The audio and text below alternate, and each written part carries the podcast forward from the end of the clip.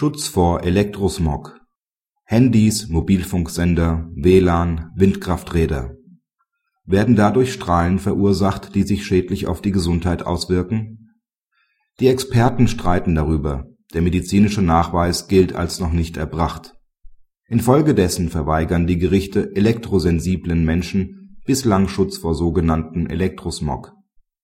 Prof. Dr. Erich Schöndorf Professor für öffentliches Recht und Umweltrecht an der FH Frankfurt und früherer Staatsanwalt in einem Umweltdezernat, erörtert die Probleme, die elektrosensible Menschen bei ihrer Rechtsdurchsetzung haben.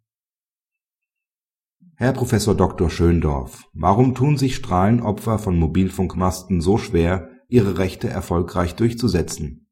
Vorrangig ist das kein juristisches, sondern ein politisches Problem. Für ungefähr 100 Milliarden D-Mark hat die Bundesrepublik seinerzeit die UMTS-Lizenzen verkauft und jetzt wollen die Käufer ihre Rechte zu Geld machen. Flächendeckende, erfolgreiche Klagen würden da sehr stören. Der Staat hat das schon geahnt und entsprechend hohe Grenzwerte festgelegt, die sich medizinisch allerdings nicht begründen lassen. Eine im Zweifelsfall den Konzerninteressen verpflichtete Justiz exekutiert diese Grenzwerte und weist die Klagen ab. Was sollte zum Schutz vor Elektrosmog getan werden? In erster Linie geht es darum, die Grenzwerte auf das medizinisch Erforderliche zu senken. Andere Länder haben das längst getan. In Deutschland meint man darauf verzichten zu können, weil die Betreiber dadurch Kosten sparen. Darüber hinaus wäre in jedem Fall eine bessere Aufklärung der Bevölkerung vor den Gefahren des Elektrosmogs dringend geboten. Auch bei reduzierten Belastungen bleiben beispielsweise für Handybenutzer erhebliche Risiken bestehen.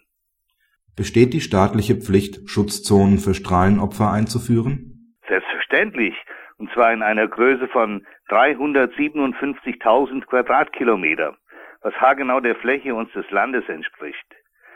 Mal allen Ernstes, amerikanische Verhältnisse wollen wir doch nicht wo bedrohte Indianerstämme in Reservate gepfercht werden, mit den bekannten Folgen.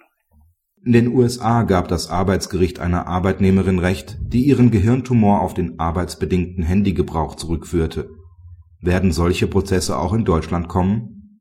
In Deutschland gibt es alles, was es in Amerika auch gibt, nur mit einer entsprechenden Zeitverzögerung.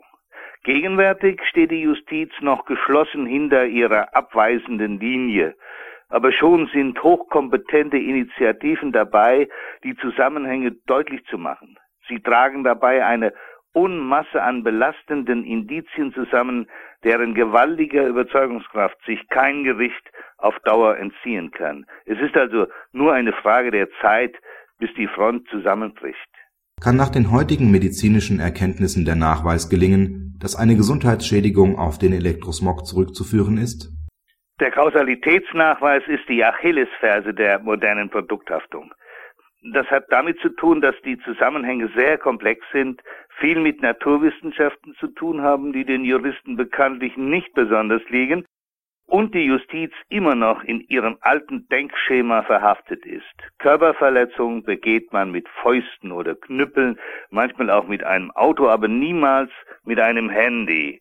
Damit macht man etwas ganz anderes telefonieren, fotografieren, SMS schreiben und im Internet surfen. Alles schöne Dinge, die nichts Anrüchiges haben. Für große Teile der kritischen Medizin ist der Kausalitätsnachweis aber schon längst geführt. Das heißt, für sie steht fest, dass diese Technologie Menschen massenhaft krank macht. Vielen Dank für dieses Interview, Professor Dr. Schöndorf.